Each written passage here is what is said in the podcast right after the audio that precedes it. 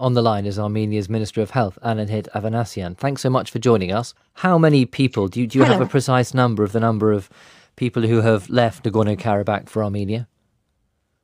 Yes, of course. More than 100,000 people just in few days forcefully fled their homes, their homeland, just with one uh, suitcase with them. We spoke to an advisor to the Armenian uh, Prime Minister, I think it was last week, who was saying that you had places for only 40,000 people. Have you been able to ramp up that capacity sufficiently in that time?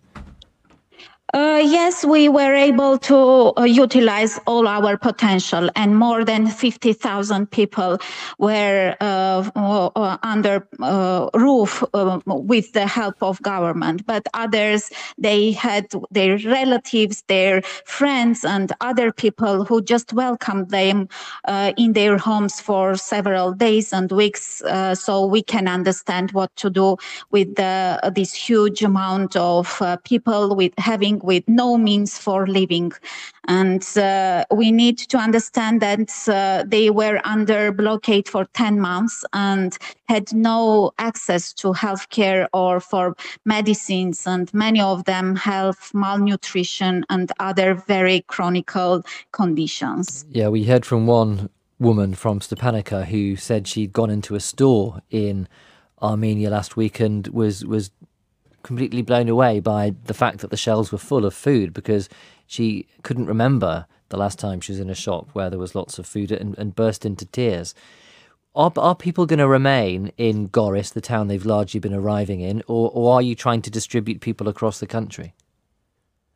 Uh, Goris was the first point of uh, uh, acceptance, but then we uh, distributed all of them throughout Armenia because, you know, 100,000 people is a, a quite a big amount of people just to put in Goris. Goris is a small uh, town, but uh, now they are in different regions of Armenia and our government is doing everything to provide the first aid to give give them shelter, food, and uh, uh, I, I, want to mention that also hospitals and our primary healthcare units are doing everything to address their uh, very essential healthcare needs. Yeah, how are the hospitals coping? Have they been overwhelmed? Uh, yes, they were. Uh, uh, they are overwhelmed because of this forcefully fled. Uh, you know that there was a big explosion of uh, uh, petrol, and we have more than 200 people injured with severe burns, and they are now in hospitals. And because of attack, there were also injuries, and we have also civilians, and people having injuries, children, women in the hospitals.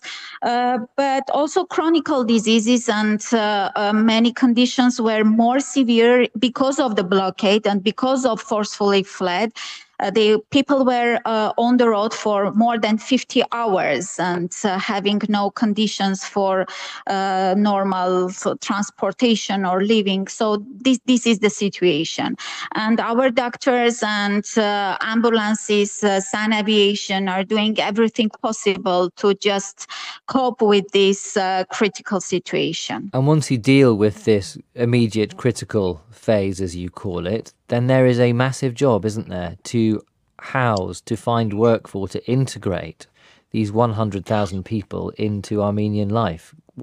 Is there any estimate as to what the the cost of this might be?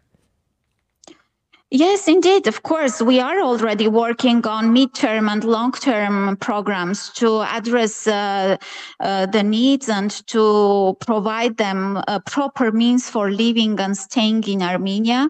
Uh, so, government is working uh, very hard, and uh, in few days we will have the proper program adapted, and we will uh, do everything to give them shelter and give them hope for for life because you know they left their their homeland they left for uh, their homes their culture uh, everything. So we need to give them hope and uh, be beside them.